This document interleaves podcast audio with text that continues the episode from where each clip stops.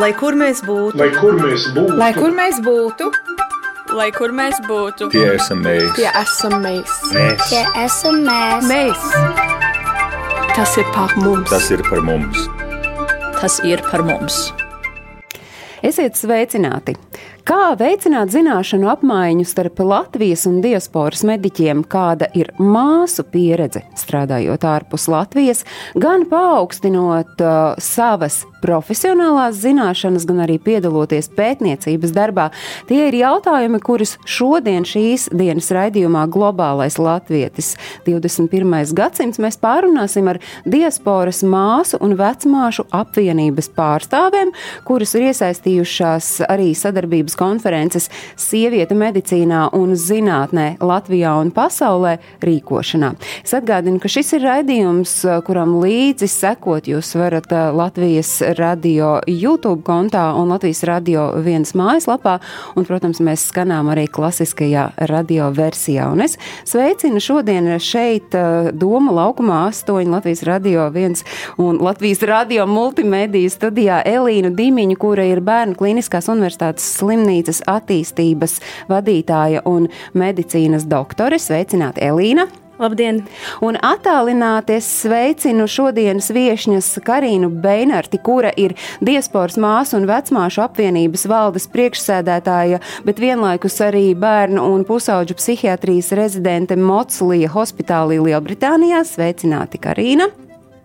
Labdien! Un Līga Čaunāne savukārt ir diasporas māsu un vecmāšu apvienības valdes pārstāve, kura šobrīd savukārt strādā īrijā. Sveicināti, Līga! Labdien! Papētot, kas ir diasporas māsu un vecmāšu apvienība, man radās tāda sajūta, ka šī apvienība ir tāds pandēmijas laika auglis, salīdzinoši nesen dibināta un diezgan strauji arī to savu popularitāti savas mērķa auditorijas, proti māsu un vecmāšu vidū ieguvusi. Tā ir Elīna. Pirmo reizi ar pārstāvēm es satikos uh, tikai aizvadītā gada septembrī vai oktobrī. Un, uh, varbūt viņas pašas labāk var pastāstīt, kā radās šī apvienība. Bet, uh, es esmu pilnīgi pārliecināta, ka tas patiesībā ir ilga perioda, ilga darba rezultāts un jau ilgi tāds likumsakarīgs rezultāts. Kad, mediķi ārpus Latvijas ir apvienojušies un izveidojuši māsas tieši šādu apvienību? Jo mediķiem Latvijas ārstiem ārpus Latvijas jau sava apvienība ir asociācija, bet diasporas māsu un vecmāšu apvienības pirmsākumi, nu tādi oficiāli ir meklējumi kopš 2020. gada 16. janvāra, kad Lielbritānijā dzīvojošie mediķi bija uzaicināti uz diskusiju par Lielbritānijas mediķu ieguldījumu ilgtspējīgas Latvijas veselības nozares attīstībā attīstībā. Karina um, mazliet par tiem uh, iemesliem, kāpēc šī apvienība ir izveidota, un droši vien uzreiz arī par to, kas tad ir apvienības mērķi un tādi virsu uzdevumi. Um, jā, mums uh, tiešām ideja radās uh, no diskusijām um, ar diasporas uh, apvienībām, uh, ar dažādiem aktīvistiem, kas darbojas diasporas organizācijās. Pats tajā laikā darbojos Um, nesen bija pieslēgusies Latviešu ārstu un zobārstu apvienībai un esmu valdes locekli tur. Un um, bija iesaistīts sarunās uh, par to, kādas ir aktualitātes. Un gatavoties uh, šai diskusijai Latvijas vēstniecībā Liel Lielbritānijā, mēs uh, arī spriedām, un, un Elīna Pinto, viena no aktīvistēm, diasporā arī minēja uh, e-pasta sarakstē par to, ka, kā saka, norādīja, ka, ka Pasaules veselības organizācija ir uh, izsludinājis māsu un vecmāšu gadu starptautisko un būtu vērts apzināt, vai kuras tad ir tās māsas. Mēs šī pasākumā satikāmies ar Dārci Dimzu Džons, kuras pirms tam nepazinu, bet viņa bija ļoti entuziastiska un viņai arī interesēja tieši šis pats jautājums, un mēs uzņēmāmies to uzdevumu apzināt, kur, kur tad tiešām ir tās daudzās māsas un vecmāsas, kas ir aizbraukuši no Latvijas Um, un, un uh, redz, kā mēs zinām par ārstiem, bet nezinām par māsām. Un, uh, un uzsākām to ceļu tieši pirms pandēmijas uh, sākuma. Bijām plānojuši tā, organizēt uh, tieši, uh, kā saka, acu pret acu pasākumu, lai satiktos Lielbritānijā no sākuma, bet uh, plāni izjuka tieši dēļ uh, dēļ maisēdes, bet paldies Dievam, bija zums pieejams un īstenībā gan drīz vai pat labāk, jo tad sanāca apzināt daudz plašāku loku māsu. Un ļoti ātri izrādījās, ka tās nav tikai Lielbritānijas māsas, bet uh, māsas un vecmāsas visā pasaulē, kas gribēja uh, sanākt kopā un organizēt šādu pasākumu. Cik jūsu ir sanākušas kopā līga, kāds ir tas aptuvenais skaits un, un par ko tas liecina? Vai tas nozīmē, ka tā māsu migrācija, plūsma ir tāda aktīva, vai tomēr te mēs runājam par cilvēkiem, kur jau kaut kādu ilgāku laiku ir prom? Jā, pašlaik oficiāli reģistrējušies mūsu diasporas māsu vecmāšu biedrībā ir 28 māsas un vecmātes, bet mums arī ir Facebook platformā pieejama grupiņa, kur mums ir 320 apmēram sekotāji, kuri no tiem ir māsas un vecmātes, un arī māsu palīgi mēs apvienojam visus kopā. Un uh, secinot un apzinot šīs uh, māsas un vecmātes, manuprāt, pārsvarā lielākā daļa cilvēku jau ir iesakņojušies un dzīvo uh, ārzemēs ilgāku laiku. Un, manuprāt, šī diasporas māsu un vecmāsu apvienības platforma ir ne tikai kā profesionālai izaugsmēji, un arī kā Latvijas piedarības platforma, kur mēs kopā sējam.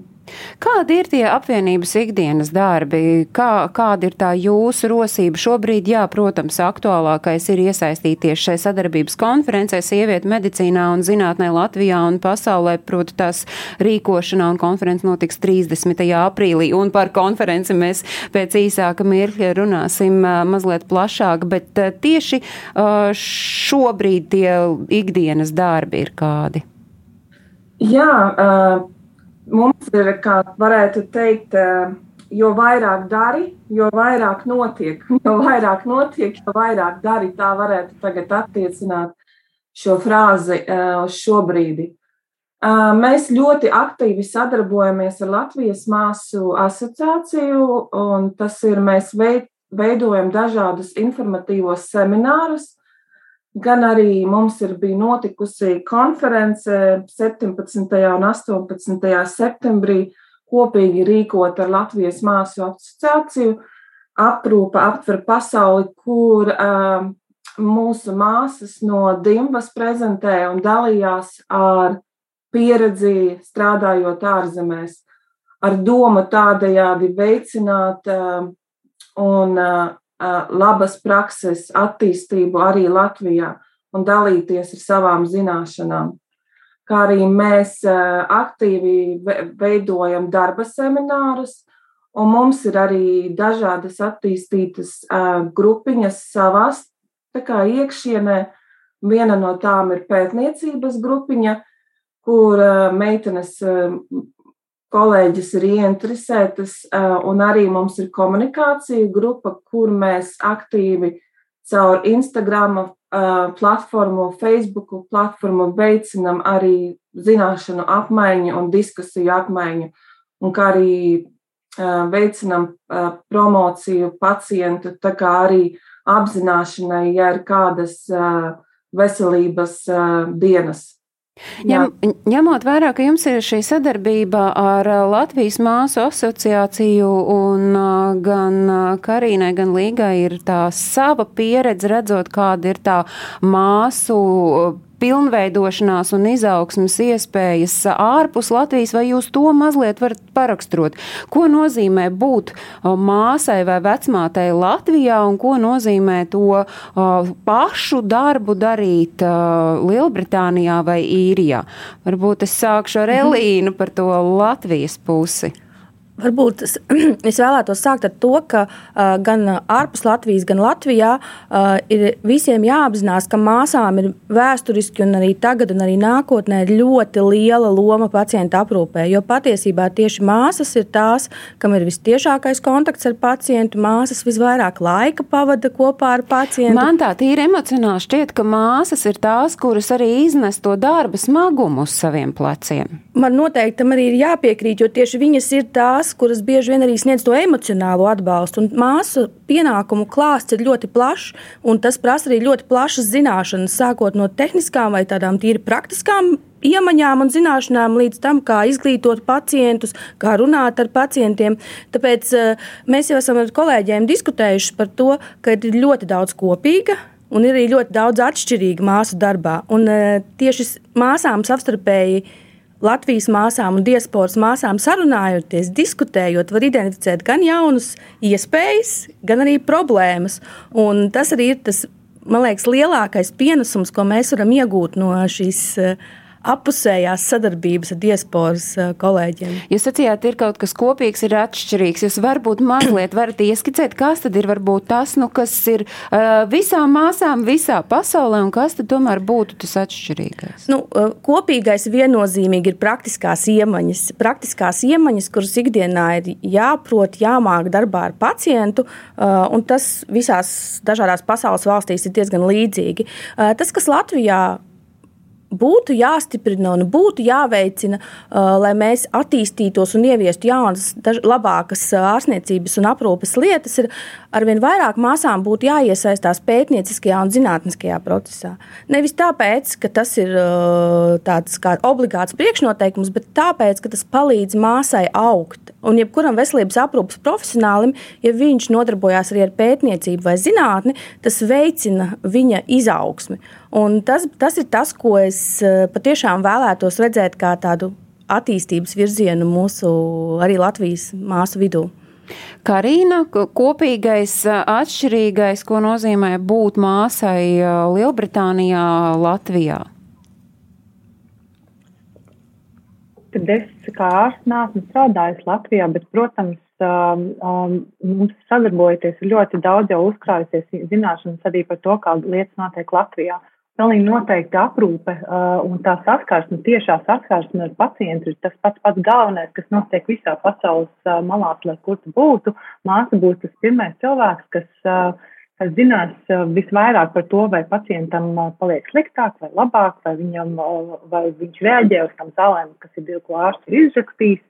Un, un par pacientu vajadzībām, un, kā saka, var iestāties vislabāk par pacienta dažkārt arī par tiesībām un, un, un par, kā saka, vislabāk rūpēties. Tas tas kopīgais, bet praksa tiešām mēdz atšķirties un, un ir arī visādas iestrādes, kur vienmēr vērtīgi ir apmainīties ar informāciju, lai uzlabotu um, un turpinātu attīstīties, lai pacienta aprūpa, aprūpas kvalitāte augtu un um, būtu um, arvien labāka. Līga, jūs, nu tāds cilvēks, kurš tiešām visu šo procesu ir uz savas ādas izbaudījusi un tam ir gājusi cauri, nekļūdīšos sakot, ka jūs, nu tās savas profesionālās gaitas esat uzsākusi Latvijā, proti Prēļu slimnīcā un pēc tam nokļuvusi īrijā, jūs sākāt strādāt Limerikas universitātes slimnīcā, sākumā vispārējās aprūpes terapijas nodaļā, tad intensīvās terapijas nodaļā un šobrīd jūs esat māsa speciāli speciāliste pulmonoloģijas pacientu aprūpē. Kopīgais, atšķirīgais, un jūs esat arī izbaudījusi tās izaugsmes iespējas. Jā, tas patiešām, esot īrijā, ir māsai ļoti lielas dažādas izaugsmes iespējas dažādos virzienos. Un, ko es esmu novērojusi, šīs izaugsmas iespējas tiek ļoti atbalstītas gan no vadības puses, gan arī no slimnīcas puses un universitātes puses, gan finansiāli, gan arī ar brīvā laika uh, izbrīvēšanu. Un, uh, ko es gribēju teikt sakarā ar pētniecību, uh, šajā laikā informācijas pieplūdums ir ļoti liels, un māsām kā primāri ir jāspēj orientēties šīs informācijas pieplūdumā. Uh, Un tieši uz pierādījumiem balstītā pierādījumiem, kā pareizi atpazīt un kur meklēt šo informāciju. Un mācoties šeit, universitātē, pirmo es pabeidzu pēc diplomā tieši pulmonoloģijā. Man it kā atvērās acis īstenībā, ko man dot, meklējot šos jautājumus, jo bieži vien esot pie pacienta, un es domāju, nu, kāpēc viņam ir vajadzīgs tieši šīs zāles vai tieši šī terapija. Jo es esmu primāri ar pacientu kopā un palasot un atrodot un redzot, jā, pēdējie pierādījumi tiešām pierāda, ka šīs zāles vai šīs tās pašas kompresijas zeķes samazina trombu attīstību pēc operācijas. Un es redzu, man ir dzīvi pierādījumi, un komunicējot ar pacientu, es viņam varu pateikt, pēc pēdējiem pierādījumiem ir pierādīts, ka nesājot šīs zeķes, jums samazināsies risks trombu attīstībai. Un, ja tu pacientu runā šādā arī kā, parastā valodā, bet arī pamatoti paskaidro, ka tas ir zinātniski pierādīts, pacients arī vilks tās zeķes varbūt par 50% tiešām. Nu, tas ir arī attīsta uh, uh, labāku nodrošina pacienta kvalitāti. Un arī māsas ir tās, kas komunicē pacientam, kāpēc nepieciešama šī terapija. Un es varu balstīties uz tās pierādījumu balstītās prakses. Nu, dzirdot to, ko Līga stāsta par to savu iespēju uh, izaugsmai, kas patiesībā ir nu, pievienotā vērtība viņas darbam, tāpēc, ka ieguvējs jau gala rezultāts ir pacients. Gala, gala rezultātā ir pacients. Uh, jūs arī minējāt, nu, ka šī pētniecība un profesionālā izaugsme ir tas, kas arī šeit Latvijas māsām ir vajadzīgs. Kāpēc uh, par to tagad varbūt runā, kāpēc tas nav bijis nu, tāds aktuāls jautājums? Jautājums uh, līdz šim? Vai nav, nav pārāk plaši izmantot šī iespēja? Patiesībā tas nav, protams, parādījies šobrīd, un par māsu izaugsmi jau domā nepārtraukti un visu laiku, bet uh, tieši uh, tas akcents uz pētniecību varbūt kaut kādā mērā ir um, vēsturiski, ka māsa ir bijis vairāk tāds aprūpes sniedzējs, un tas netika pietiekami akcentēts. Man ļoti patika tā, ši, šis formulējums par uz pierādījumiem balstītu praksi, un es gribētu akcentēt vienu lietu, ko es ticu, ko tāda praksa sniedz arī ikvienai māsai Latvijā Ja tu zini pierādījumus, ja tu zini, kāpēc tu to dari, tad tu patiesībā esi daudz pārliecinātāks par lēmumiem, ko tu pieņem. Un tā ir arī tāda drošības sajūtas radīšana mūsu personālam, mūsu māsai, ja viņa patiešām zina tam pamatojumu. Tā kā, es domāju, tas ir ceļš, kas mums ir ejams kopā ar kolēģu pieredzi. Jā. Un savukārt tā kolēģu pieredze, kā šeit Latvijā tiek izmantota, cik aktīvi un, un kādos veidos, jo jūs, piemēram, Elīna, esot Bērnu klīniskās universitātes slimnīcas attīstības vadītāji, nu, jūs esat tas cilvēks, kurš šo attīstību var, nu, konkrēti šajā uh, medicīnas iestādē veicināt. Kāda ir tā, tā sadarbība un tā iespēja? Patiesībā jau minēju vienu aktivitāti, kas ir valsts līmenī, šī sadarbība ar māsu asociāciju. Tas ir šis pirmais solis. Un es zinu, ka kolēģis jau aktīvi iesaistās diskusijās ar Latvijas kolēģiem, lai identificētu gan problēmas, gan meklētu risinājumus, gan arī organizētu kopīgus pasākumus. Otra lieta, kas man liekas ļoti būtiska, un viņa arī jau notiek visu laiku, bet to vienmēr var darīt vairāk, tā ir pieredzes apmaiņa individuālās vizītēs uz ārvalstīm, jo katru reizi kad kāda māsa vai kāds ārsts dodas uz kādu ārvalstu klīniku, viņš atbrauc atpakaļ ar jaunu pieredzi, ar jaunām zināšanām un uh, daudz vieglāk pamana slimnīcā lietas, ko var pilnveidot.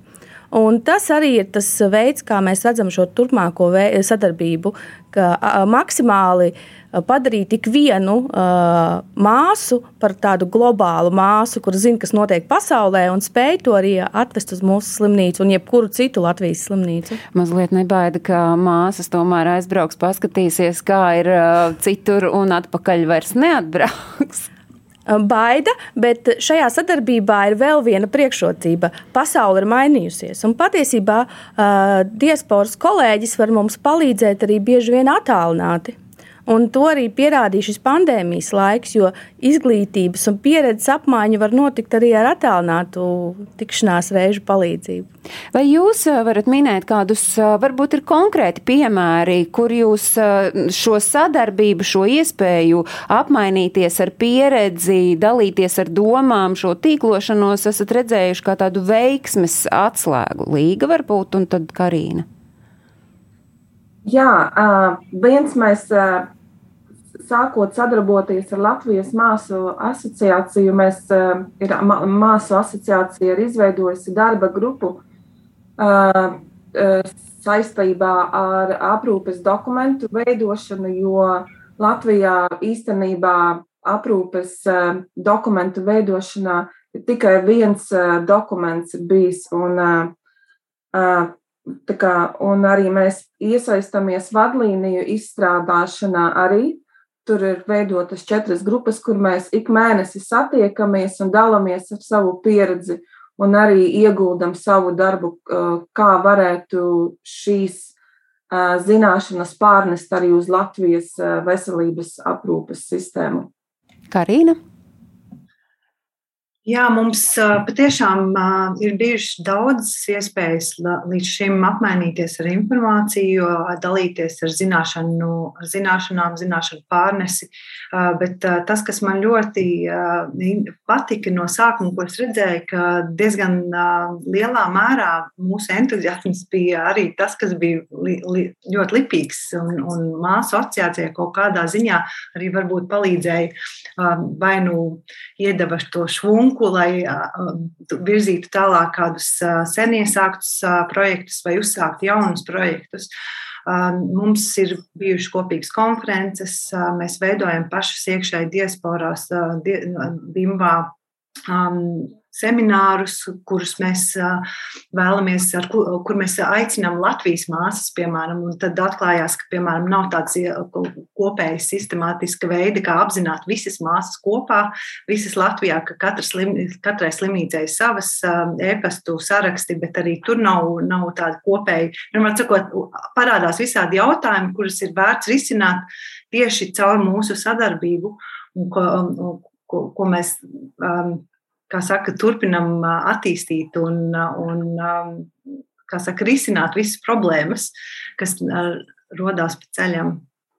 Runājot par to kopīgo atšķirību, kas ir māsām, es domāju, ka ir svarīgi, jo es pieļauju domu, ka daļa skatītāju, nu, to starp ar, un klausītāju, un to starp arī es, varbūt līdz galam nesaprot arī to, nezinu, kaut kādu hierarhijas un izglītības iegūšanas tos kāpienus uz augšu, kāda ir Latvijā un ārzemēs, vai Latvijā par māsu var strādāt arī ar profesionālo izglītību tikai, vai, vai ir iespēja iegūt augstāko izglītību. Un un ja tu iegūsti augstāko izglītību, tad uh, vai, vai ir vērts strādāt par māsu, tad jau varbūt ir jāiet un jākļūst par ārstu. Nu, tad tīri tehniski jūs varat izstāstīt. Uh, man būs ļoti grūti izstāstīt to detaļās, jo māsu izglītības sistēma ne, nesen ir izgājusi pārmaiņas, un tāpēc es baidos būt neprecīza. Bet lielo, liel, lielos, lielos vilcienos. vilcienos tad māsas, protams, ir ar augstāko izglītību, un tas nav tieši ceļš uz kļūšanu par ārstu, kā varbūt eh, jūs minējāt. Ja tas ir atsevišķa profesija ar atsevišķām prasmēm, ko iegūst savā izglītības procesā. Un, attiecīgi, arī māsām veidojās zināmas specializācijas, kā arī kolēģi minēja, arī īrijā.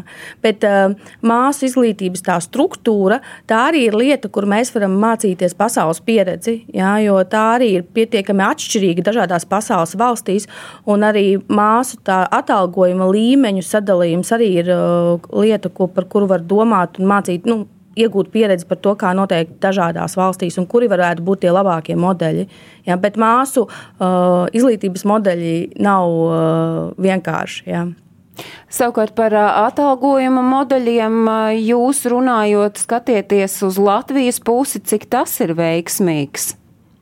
Karīna, varbūt jums Mums patiesībā bija pat sarunas vairākas ar Latvijas māsu asociāciju, tad, kad viņi strādāja un, un attīstīja Latvijas māsu profesijas reformu, kur tieši algu modeļi, modeļi arī tika pārskatīti. Um, Anglijā un, un Īrijā ir um, dažādi līgi, tu man var pakuriģēt, um, ja es saku kaut ko nepriešu, bet ir iespējas kāpt pa tādiem, um, kā saka, karjeras kāpnēm. Šeit tie saucās bendi, ja, tu var kāpt pa dažādiem uz augstākiem bendi, kas nozīmē arī, kad uh, pieaug līderības pakāpie, ja, kāds, kā, vai, nu, jo augstāks līmenis, jo lielāka atbildība. Tur arī pieaug alga. Un, un tur arī lielākai izglītības līmenim jābūt. Un, tas, protams, ka veicina uzreiz aprūpas kvalitāti. Ir, ja ir gribās, varbūt, lai ir lielāka alga, tad ir jā, jāpiemācās klāt, un tad ir jāiemācās jaunas prasmes. Un māsas iegūst, un pati sistēma, veselības aprūpas sistēma no tā iegūst. Latvijā, cik es zinu, tādas sistēmas nav. Un, un, bet kaut kas līdzīgs iespējams, ka tiks ieviests. Elīna? Nu, man liekas, ļoti labi arī akcentēt to, ka mūsu māsām tas arī varbūt lietas būt pietiekami motivētām attīstīties, un tādēļ ir ļoti svarīgi atrast tos veidus, kā tos līmeņus sadalīt, un arī tur iekļaut šo mācīšanās un pētniecības komponentus. Pilnīgi pievienojos. Jā. Līga ir kas vēl piebilstams? Jā, es piekrītu Karīnai un Elīnai. Tas ir tāds motivējošs faktors arī, uh, lai attīstītos.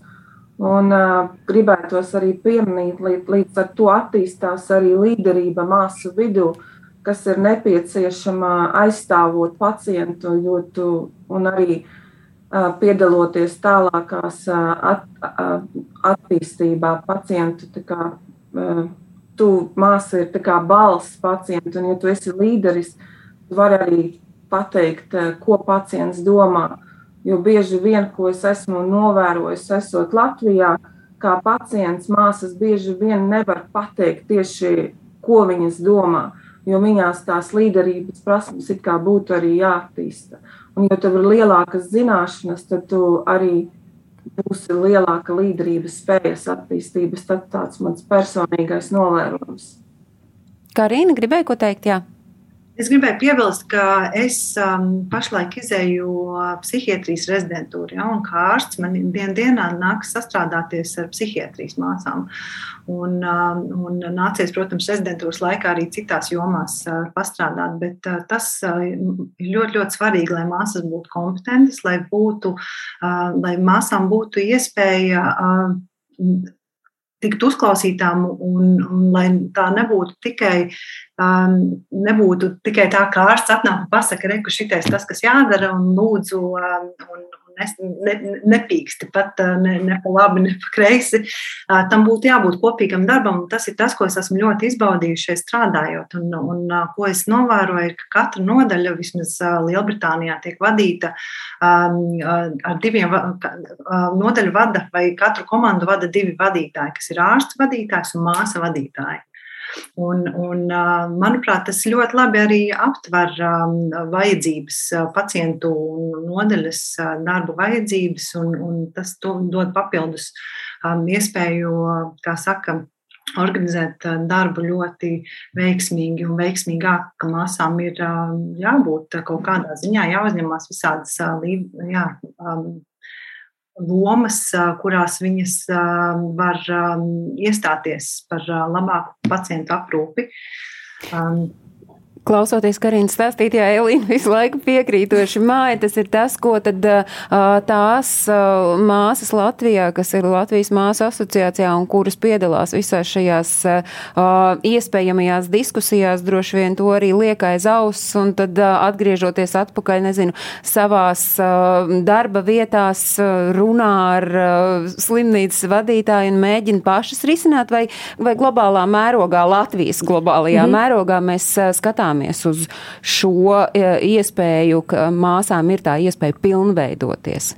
Māsām ir iespēja pilnveidoties, bet atgriežoties pie modeļa, ko minēja, kā strādā kā ar diviem vadītājiem, e, māsa un ārsts, tad patiesībā bērnu kliniskā slimnī, universitātes slimnīca strādā pēc līdzīga modeļa. Tas, protams, arī uh, prasa to, lai māsām arī attīstītos šīs līderības prasmes un lai viņas spētu aizstāvēt savu viedokli un kā, būt līderis savā aprūpas procesā.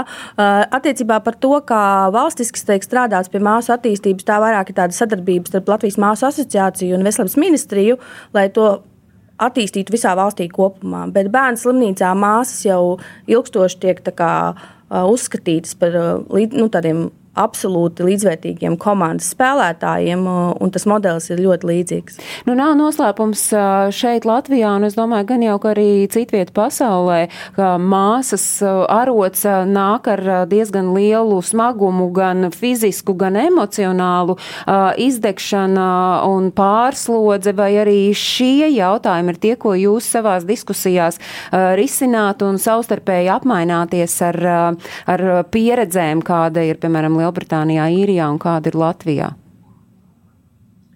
Šomēnes būs um, psihiatrijas uh, māsa, Latvijas uh, psihiatrijas māsa vadītāja viena organizē uh, nelielu konferenci, uh, kur tieši diasporas uh, māsas tiek aicināts runāt par uh, izdegšanu. Uh, Un būs divas lektoras, kas par to stāstīs un runās. Un man liekas, šis jautājums ir īpaši aktuāls kļūst pēc Covid laika. Jo viens jau ir tas, ka pati aprūpe darbs slimnīcā bija daudz smagāks ar papildus slogiem, bet vēl jau jāmin, ka lielākā daļa māsas visur pasaulē ir sievietes. Un sievietēm ir zināms, ka Covid laikā arī tas aprūpes sloks mājās un rūpes par mājām, mājmācība ar bērniem daudz lielāks. Līdz ar to es domāju, ka mums daudziem šis ir bijis grūts laiks, bet īpaši māsām. Nu, ņemot vērā, ka konference, kas um, noritēs uh, šogad pašās aprīļa beigās uh, Lielbritānijā, bet ar domu, ka varēs piedalīties uh, no citām vietām pasaulē, un tās nosaukums ir Sieviete medicīnā un zinātnē Latvijā un pasaulē, jūs skatīsieties plašāk ne tikai uz to, kāda tad ir māsu loma, bet kāda vispār ir sievietes loma medicīnā, vai te mēs varam skatīties, ir kaut kāda citādi tie aspekti, raugot uz to, kāda ir māsas loma medicīnā un kāda tad ir sievietes loma medicīnā? Līga vai Karina? Jā, Karina, tu varbūt vēlēsies. Jā, es, es varu teikt tikai to, ka aprūpes, aprūpes darbinieki pilnīgi noteikti ir pārsvarā sievietes. Tas ir zināms, ka māsas it, it īpaši Latvijā. Un, un ārpus Latvijas ir vairāk vīriešu pārstāvi māsas, bet tā vēl aizvien ir diezgan lielā mērā tomēr sieviešu vairumā pārstāvēta profesija. Iemesls, kāpēc mēs izvēlējāmies šo tēmu, ir, ka šis jautājums ir ļoti aktuāls um, visās dzīves jomās, bet, uh, protams, arī medicīnā un zinātnē, kā jau mēs uh, esam ielikuši arī nosaukumu. Um, jo, jo um, šis ir vis, vispasaules aktuāls uh, jautājums, kas tiek risināts pasaules līmenī, un ir visādi startautiski dokumenti, kur arī Latvija piedalās un ir kā, vēlās attīstīties līdz ar to mēs um, izlēmām, ka šī varētu būt ļoti laba tēma um, aktualizēt. Um, Tieši sievietes lomu, kādi ir, kā, kādi ir šķēršļi, kādi, ar ko sievietes sask, saskarās strādājot medicīnā, strādājot zinātnē, un, un runāt par to, bet mēs, protams, arī neaizmirstam par diasporas sadarbību, kas ir otra tā pamata tēma, par ko mēs runāsim konferencē. Līga, kāda ir eh, sievietei medicīnā strādājot tie šķēršļi un kas varbūt ir tie savukārt plusi, kā jums šķiet? Vēl pirms konferences, vēl pirms visi par to ir diskutējuši.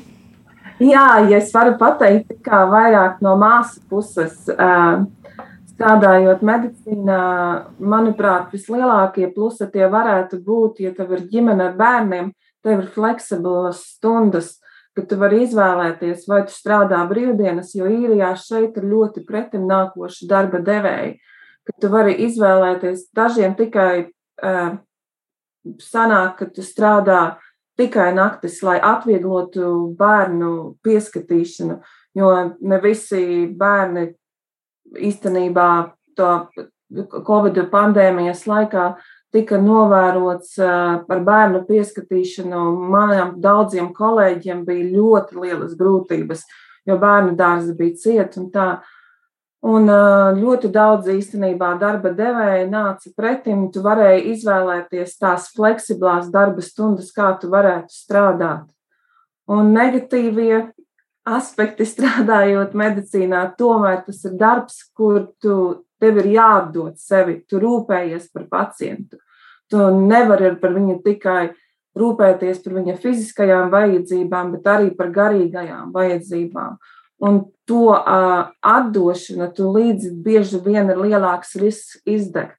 Mums nedrīkst aizmirst par sevi, nedrīkst aizmirst par to, ka pirmkārt ir jārūpējas par sevi, lai mēs varētu rūpēties par kādu citu.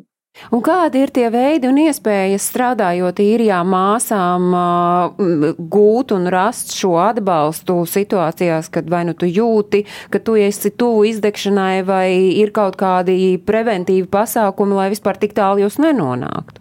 Jā, ir preventīvie pasākumi, kurš pēdējā gada laikā, piemēram, tieši mūsu slimnīcā ir attaisījies veselības tāds kā centrs, kur nodrošina dažādas sporta klases, kur tu vari iet. Tas ir par brīvu, tas ir pirmkārt, un ir dažādi laiki.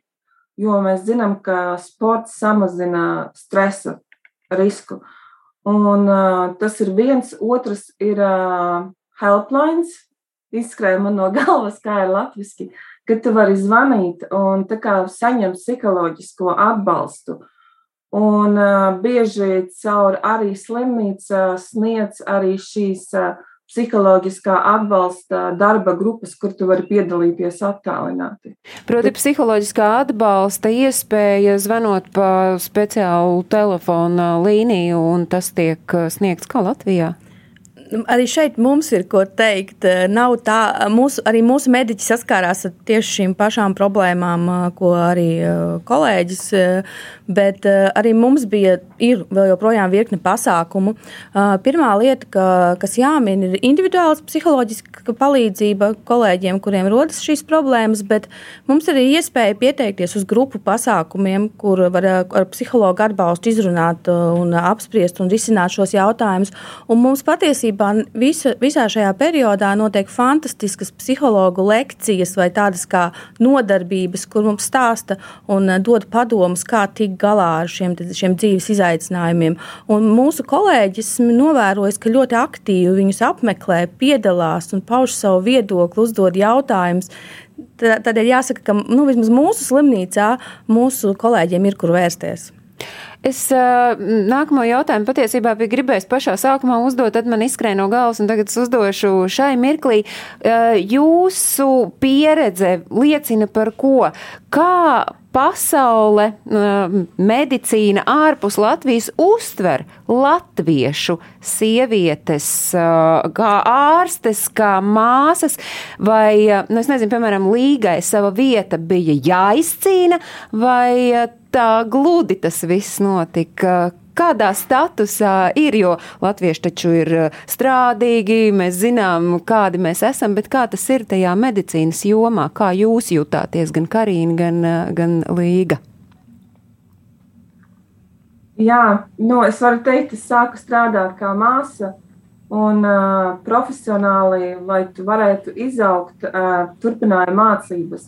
Un man neatšķīra, vai tu esi īrs, vai tu esi citas tautības cilvēks. Tu vienkārši izaugs profesionāli. Un kā latviešu māsas, es atbraucu, un man bija ļoti labas īstenībā praktiskās iemaņas, kas ir ļoti novērtējamas ārzemēs. Karina? Jā, es sāku rezidentūru Lielbritānijā, un, un tas, ko es novēroju, ka kaut kādā ziņā varbūt arī bija tomēr bija sevi jāpierāda. Um, varbūt nedaudz tāpēc, ka tās komunikācija prasmes Latvijā tik ļoti neat, uh, nav iespēja. Vienmēr, vienmēr sakot, Lielbritānijā ārsti ir daudz, daudz pašpārliecinātāki nekā um, tāds iebraucējs kā es, tā, kad es atbraucu. Un, un tiešām pagāja arī laiks, varbūt, uh, kamēr uh, radās uh, tā varbūt pārliecība, ka es varu tikpat ļoti kā, kā vietējie. Um, bet man kā tieši kā, kā sievietē, es domāju, ka papildus uh, grūtības bija tikai tik daudz uh, tādas pašas kā, kā britu sievietēm un ārstēm. Tā ir tāda laba ziņa, ka katrs gadījums no gadījuma droši vien atšķiras. Par konferenci runājot, kādi tad jūs varat ieskicēt būs tie temati, par kuriem jūs runāsit, un kāda ir iespēja tiem, kuri ir ieinteresēti un grib piedalīties, grib gan informāciju iegūt, gan iespējams ar to dalīties. Par ko runāsit? Mums ir aicināta sniegt lekciju Margarita Langins, kas ir Pasaules veselības organizācijas māsu un vecmāšu politikas padomniece Eiropas birojā. Viņa stāstīs tieši par dzimumu līdztiesīga darba spēka iniciatīvu. Tas ir dokuments, kas, ko sagatavojas Pasaules veselības organizācija. Viņi grib vēlās pastāstīt par šo darbu, kas veikts saistībā ar šī dokumenta sagatavošanu un, un, un tā ieviešanu. Un viņi, protams, arī pieskarsies pati no savas, kā no, no privātā, privātās pieredzes, jo viņa kā sieviete, kas pati pēc profesijas ir māsa, izmācījusies Kanādā un nokļuvusi augstā amatā. Mums, protams, interesē arī nedaudz no pie, tieši tas viņas kā sievietes ceļš uz šādu svarīgu lomu starptautisku. Līga, varbūt, kas ir tās akcenti, kam jūs ieteiktu pievērst uzmanību? Es laikam pievērstu, mana interesē pētniecības attīstība māsām, jo tas ir tomēr laikietilpīgs process māsām un inovāciju ieviešana arī medicīnā. Un Elīna? Mm. Man ir liels prieks, ka šī semināra laikā notiks tāds kā darba seminārs, kur mēs pusotras stundas garumā varēsim uh, diskutēt par to, kā mēs varam veicināt sadarbību starp diasporas un Latvijas mediķiem. Un man ir liels prieks, ka tur piedalīsies arī Zaiga Filips Alksne, kura patiesībā ir ļoti daudz jau sniegusi atbalstu mūsu slimnīcas kolēģiem. Tas būs tāds mērķis tai darba semināram ir atrast tālākas sadarbības soļus vai konkrētas risināmas lietas.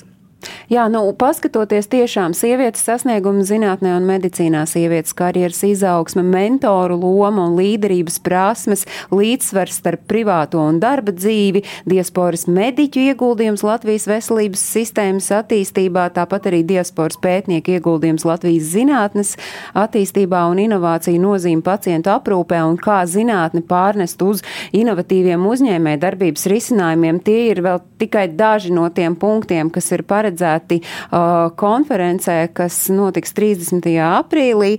Uh, cik to dalībnieku jūs vispār spējat aptvert un esat uh, plānojuši uzrunāt?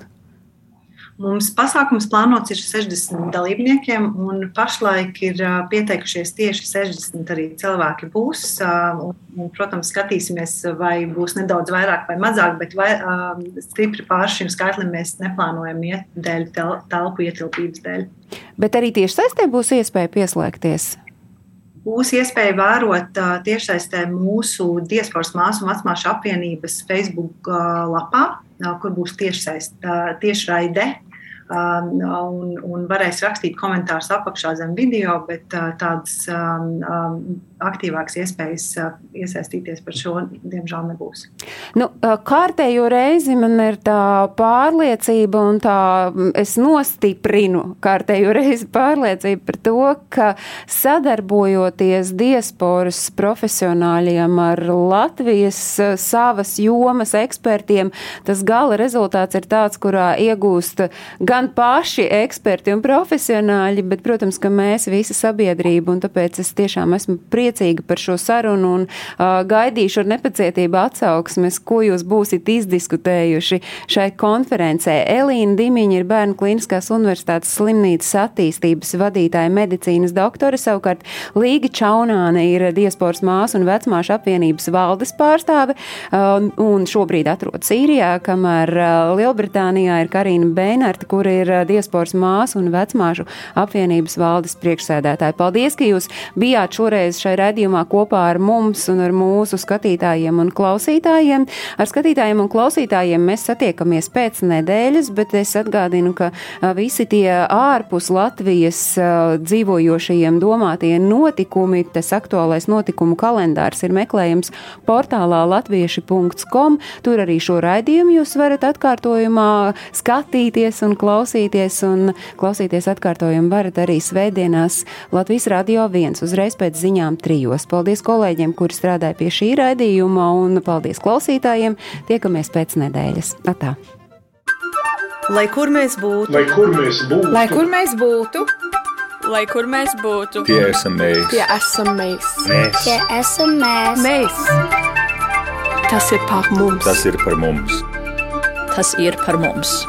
Globālais latvietis 21. gadsimts